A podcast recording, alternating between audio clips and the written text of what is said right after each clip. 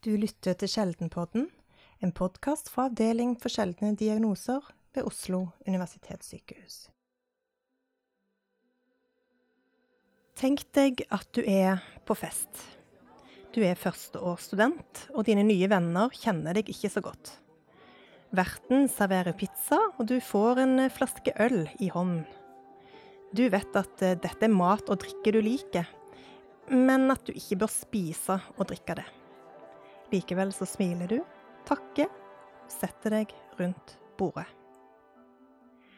Gjennom flere episoder skal vi se nærmere på hvordan det er å være ung med en sjelden diagnose, og hva fagpersoner bør vite og gjøre i møte med pasienten. Jeg heter Kristin Rosnes Holte, og i denne episoden skal det handle om PKU, og hvordan det er å leve på en livsnødvendig spesialdiett, og hva som skjer når man lar være. Men først, hva er PKU? Vi har spurt Susanne Widen Feskjær om dette. Susanne er klinisk ernæringsfysiolog, forsker og rådgiver ved Senter for sjeldne diagnoser. PKU er en forkortelse for fenylketonuri, det som tidligere ble kalt følgingssykdom. Det er en metabolsk sykdom som ubehandlet kan gi alvorlig hjerneskade. Ved PKU er det en feil i enzymet som omdanner aminosyren fenylalanin. Dermed øker fenylalaninen i blodet til giftige nivåer. Personer med PKU må derfor minimere inntaket av fenylalanin, eller FE som vi forkorter det til, gjennom å følge en streng proteinredusert diett. Også de som har PKU, trenger litt fe, men de trenger bare akkurat nok til å erstatte det som mistes gjennom hud og hår. Derfor må de ha nøyaktig liten mengde naturlig protein fra maten. Men hvordan får man PKU? PKU er en såkalt autosomal recessiv genetisk sykdom. Det vil si at for å få PKU må du arve ett sykt gen fra mor og ett fra far. I Norge finnes det over 200 personer med PKU, og hvert år fødes det tre til syv barn med denne sjeldne diagnosen. I Norge oppdages PKU på nyfødtscreeningen. Ca 48 timer etter fødsel blir det tatt en blodprøve fra et stikk i hælen på alle norske babyer. Blodet blir analysert på Rikshospitalet i Oslo for 25 medfødte sykdommer deriblant PKU. Hvis blodprøven viser for høye nivåer av fenylalanin, må babyen starte med den proteinreduserte dietten så snart som mulig. PKU var den første sykdommen man begynte å skrine for i Norge på begynnelsen av 70-tallet. Men sykdommen ble oppdaga lenge før dette. Oppdagelsen av PKU er en av Norges virkelig store bidrag inn til den internasjonale medisinske forskningen. Alt startet med kjemiker og lege Asbjørn Følling. La oss skru tiden tilbake til 1934. Herr Følling får besøk på kontoret av fru Engeland.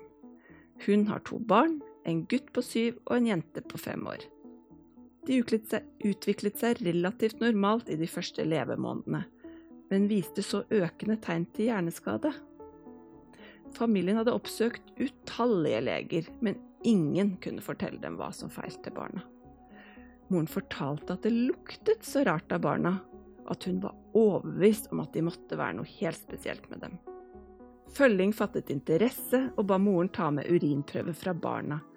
Han tilsatte jernklorid til prøvene. Vanligvis gjør jernklorid at urinen blir fiolett men isteden ble urinprøvene fra de to barna dypt grønnfarget, noe Følling aldri hadde sett før. Følling skjønte at han hadde oppdaget noe helt nytt, og dette var starten på mange år med forskning der han avdekket at det var et stoff fra fenylalanin som ga den dypgrønne fargen. Han identifiserte flere personer med samme lidelse. Dette er verdens første eksempel på en forbindelse mellom kroppens stoffskifte og hjernens utvikling. Nå for tiden redder denne oppdagelsen årlig tusenvis av barn rundt om i verden fra å utvikle en alvorlig hjerneskade. Men hvor lang tid gikk det fra oppdagelsen av PKU og til dietten som behandling var klar?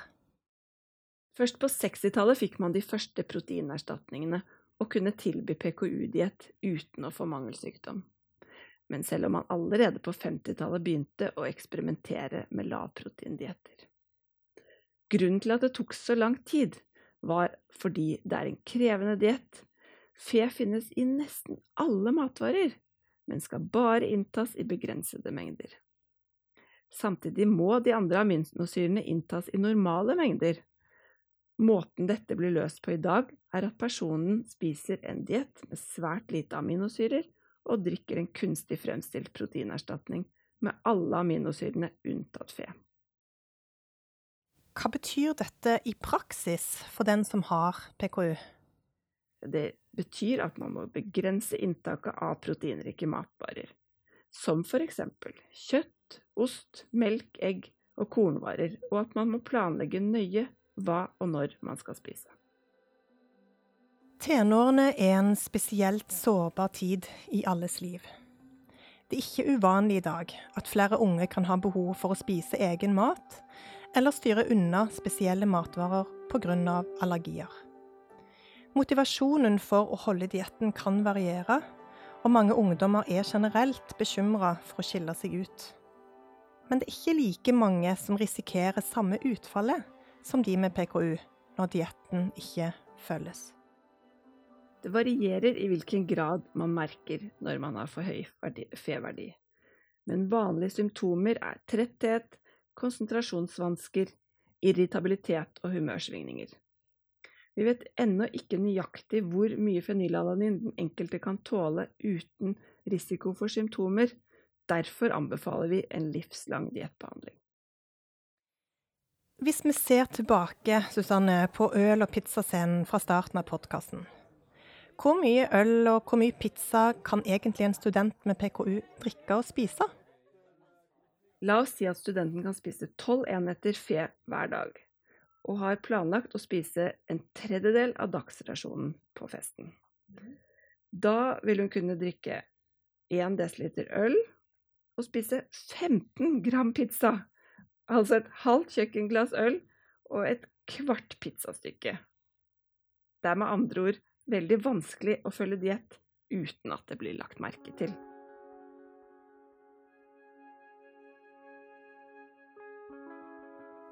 Dorthea fikk tidlig vite at hun hadde en sjelden sykdom. Som nyfødt i 1993 ble hun stukket i hælen. Blodprøven viste at ikke alt var som det skulle med den lille jenta. Dorthea hadde PKU. Og mamma fortalte meg at det ringte en lege fra Rikshospitalet klokka 11 på formiddagen. Um, legen var beroligende, men alvorlig, og ba henne om å pakke, få tak i pappa og reise til Oslo med en gang. Da var det elleve dager siden jeg ble født, um, så det hasta. Vi bodde i Ørsta, og jeg hadde to storebrødre, eh, så det var jo ikke helt enkelt. Men de tok med seg den yngste, eh, ordna barnevakt for den eldste og tok fly samme kveld. Eh, beskjeden fra Rikshospitalet kom som et sjokk på familien. Mamma har beskrevet det som knust glass. Eh, det var rett og slett vanskelig å tro at det var noe galt med meg, fordi sykdommen var så usynlig, og jeg virka som en helt frisk og normal baby. Foreldrene ble utrolig redde og urolige for hva framtida ville bringe for minstejenta.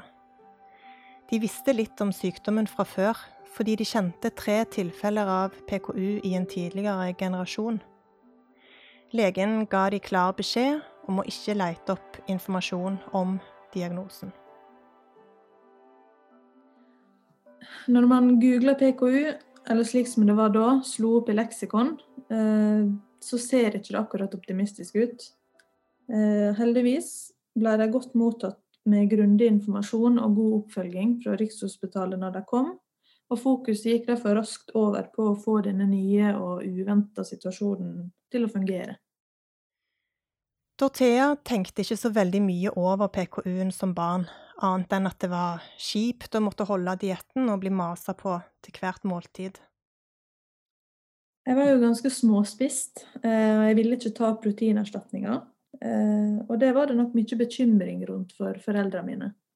Jeg kan huske at jeg Jeg kan huske at jeg var bevisst alvoret med sykdommen ettersom jeg ble eldre. Men jeg følte ikke meg på noen måte annerledes i småskolen. Men etter hvert som jeg kom opp på mellomtrinnet, og kanskje særlig de to siste åra av barneskolen, da begynte jeg å få litt dårligere følelser til PKU, og jeg kjente at dette her er ikke særlig kult. Hele barneskolen hadde Dorthea en assistent i matpausen som skulle passe på at du spiste maten, drakk PKU-melka og proteinerstatningen. Og det hun ikke fikk i seg, ble notert ned, veid og trukket fra. Det var jo selvsagt helt nødvendig for foreldrene mine å ha denne kontrollen. Eh, men å ha assistent gjorde også at jeg ble veldig synlig annerledes. Eh, og til tross for at assistenten var ei veldig snill dame, så ble det etter hvert eh, en liten kamp når jeg ble litt eldre. Av og til så ble jeg sittende inne i storefri fordi det tok så lang tid å få i seg mat og proteinerstatning og jeg husker at jeg satt og prøvde å få i meg resten av proteindrikken, og så på de som sprang rundt ute i friminuttet. Og da følte jeg meg ganske fanga, egentlig. Og så husker jeg kanskje spesielt en episode fra leirskolen i 7. klasse, der vi skulle ha en leik der en skulle putte lakris i munnen på en annen. Her fikk ikke jeg lov til å bli med av assistenten, og heller ikke å putte lakris i en annen sin munn. Og det var jo pga. bekymring, forståelig nok, men det var jo veldig kjipt for meg, da. Jeg fikk jo også gjentatte ekle kommentarer i skolehverdagen på lukta av proteinerstatninger, eller hvordan maten jeg spiste, så ut. Og Noen ganger så reagerte jeg tilbake med å bli fysisk, rett og slett. Jeg ble sint. Jeg tok huene til folk og havna av og til i slåsskamp.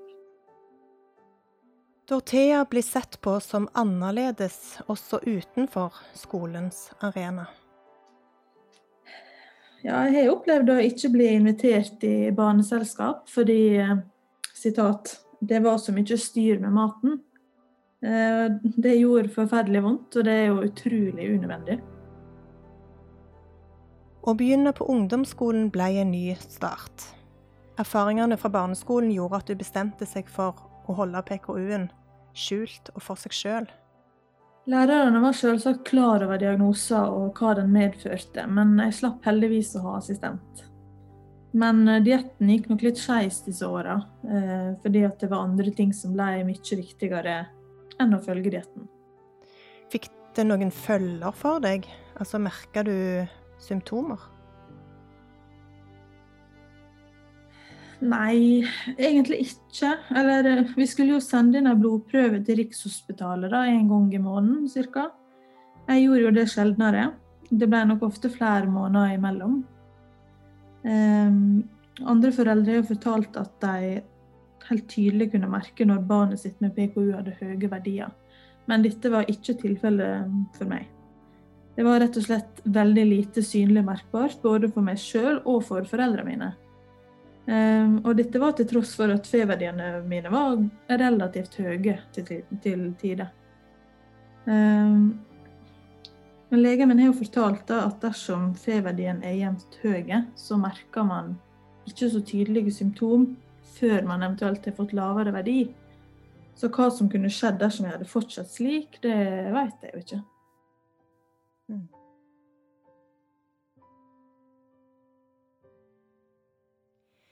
I en masteroppgave om PKU fra 2011 undersøkte Plata Sofie Disen hvordan unge mennesker med PKU opplever hverdagen, og hvilke sosiale følger sykdommen får. Her kommer det fram at fordi usikkerheten er stor for hvor mye fenylalanin den enkelte kan tåle uten risiko for skader, tenker noen at nytten med å følge diett blir for liten sammenlignet med den sosiale prisen de betaler gjennom strenge diettrestriksjoner. De velger å spise som alle andre i sosiale sammenhenger for å unngå å skille seg ut, til tross for at de kjenner til konsekvensene. Symptomer som oppstår pga. diettavbrudd i tenårene eller senere, kan forsvinne eller bedres ved at man gjenopptar diettbehandling. Dersom det oppstår en depresjon eller lignende pga. diettavbrudd, er det viktig å identifisere, slik at man får hjelp med å komme i gang med diett, ikke bare psykologbehandling. Det er lite kunnskap i Norge om hvem som følger diett, og i hvilken grad man følger diett. Men vi vet fra internasjonal forskning at det er svært vanlig å ikke følge diett som voksen. Um, når jeg tenker tilbake på ungdomstida, så har jeg lurt på om karakterene fra ungdomsskolen kunne vært høyere dersom jeg hadde fulgt dietten bedre. Uh, fordi som student så har jeg prestert mye bedre, og da med gode F-verdier. Men eh, når det er sagt, så hadde jeg også en ganske vanskelig og tung eh, periode som student. Og jeg frykta da at det var PKU som hadde skylda. Men eh, F-verdiene var helt fine, og den hjelpa jeg fikk, fungerte. Og dette ble jo en veldig viktig erkjennelse for meg. At vi alle er mye mer enn bare diagnoser. At vi faktisk er vanlige mennesker. At ikke alt blir sykdomsrelatert og får definere hvem vi er. Men fastlegen min sa noe om at det, det, er jo ikke så rart at vi som har lang sykdomshistorie med mye alvor, opplever f.eks. angst og vonde følelser. Vi preges alle av det vi står i. Så. Dorthea sine foreldre har alltid fulgt det godt opp men samtidig latt du få leve som en normal ungdom, selv om det noen ganger resulterte i utskeielser som skapte bekymring. Et viktig vendepunkt i livet var da Dorthea etter videregående skole begynte på folkehøgskole. Da opplevde jeg at det var helt greit å skille seg ut. Det var litt sjelden, og jeg fikk positive tilbakemeldinger på det jeg valgte å vise fram. Og jeg kan fortsatt huske første gang jeg drakk proteinerstatninga åpenlyst i spisesalen. Det var veldig stort for meg, men jeg oppdaga fort at ingen andre rundt brydde seg. Hva har du gjort for å ikke falle tilbake til gammelt mønster for ungdomstiden, da? Grep som har tatt for å ikke skeie ut, det er jo kanskje først og fremst å finne en balanse jeg kan leve med. Eh, og en måte å se meg sjøl i lys av diagnoser jeg er stolt av å klare å leve på verdens strengeste diett, men å definere meg, det får det nok ikke. Og for meg så er det fortsatt en privat del som jeg nødvendigvis ikke slenger ut om til alt og alle. Og så er jeg jo bevisst på å ikke lete etter forhold med meg sjøl som kan være pga. PKU, fordi jeg tenker at det er så vanskelig å skille nettopp PKU og personlighet. Så i stedet for at diagnoser skal ta kontroll over meg, så tar jeg kontroll over sykdommen ved å følge dietten. Eh, så da vet jeg lettere hva som er symptom, hva som, og hva som rett og slett er meg og livet. Nyere forskning har funnet fram til at det er en del av pasientene med PKU som kan få et medikament som kalles Kuvan. Medisinen gjør at noen med PKU kan tåle mer protein i kosten. Og det kan tas i tillegg til eller i stedet for diett. Det forskes også på genterapi. Kuvan, eller BH4, er en såkalt kofaktor. Dvs. Si at den kan gjøre at fenylalanin hydroksylase-enzymet virker bedre. Men det hjelper bare på bestemte feil i enzymet. BH4 fungerer ved å binde til fenylalanin hydroksylase og bidra til at funksjonen gjenopprettes. Fordi Kuvan bare hjelper for noen feil, er det dessverre ganske få i Norge som har nytte av denne medisinen. Pegvaliase er en fenylalanin hydroksylase enzymerstatter. Den kan hjelpe uavhengig av hvilken enzymfeil man har. Den er foreløpig ikke godkjent i Norge, og i andre land kun på voksne. Mange kan få allergiske reaksjoner de første månedene med injeksjon av pegvaliase. Man har heller ikke langtidserfaring med medikamentet. Det forskes også på behandlingsmetoder som genterapi og mulighet for å erstatte det manglende fenylalanin hydroksylase-genet. men det er nok flere år før vi får dette som behandling i Norge. I denne temaserien vil vi gi svar på hvordan det er å leve som ung med en diagnose svært få andre har. Vi samler også inn gode råd fra de som kjenner diagnosen best, og til deg som skal yte medisinsk hjelp og behandling. For Dorthea var det oppholdet på folkehøgskolen som fikk hun til å innse at det å skille seg ut og være annerledes var helt greit. Men hvordan kan helsepersonell hjelpe andre unge til å balansere diett med et vanlig ungdomsliv? Jeg tenker at informasjonsarbeid fra hjelpeapparatet og ut i samfunnet er viktig. Eh, fordi at Ved at PKU blir en mer allment kjent sykdom, så vil ungdom bli mer trygge på at flertallet vet at man ikke er rar eller annerledes, fordi man spiser annen mat og tar proteinerstatning. Man er jo som alle andre ellers. Og også informasjonsspredning spesifikt i skole og til medelever er også svært viktig. Siste del av barneskolen og ungdomsskolen er kritiske, og barn i den alderen er til tider nådeløse til annerledeshet. Så gode lærere som tar tak i vanskelige situasjoner som oppstår, og foreldre som ikke gjør forskjell, det tenker jeg er essensielt. Og så kan kanskje hjelpeapparatet også hjelpe til med å legge noen strategier for subtile måter å ta proteinerstatninger på skolen på. Og Det høres jo veldig rart ut nå, men på den tida så var det et helt reelt problem. Som gikk utover F-verdien. Um, og kanskje arrangere kurs for ungdom der man kan løfte positive egenskaper ved sykdommen, og ha fokus på hvordan fortolke seg sjøl i lys av diagnoser.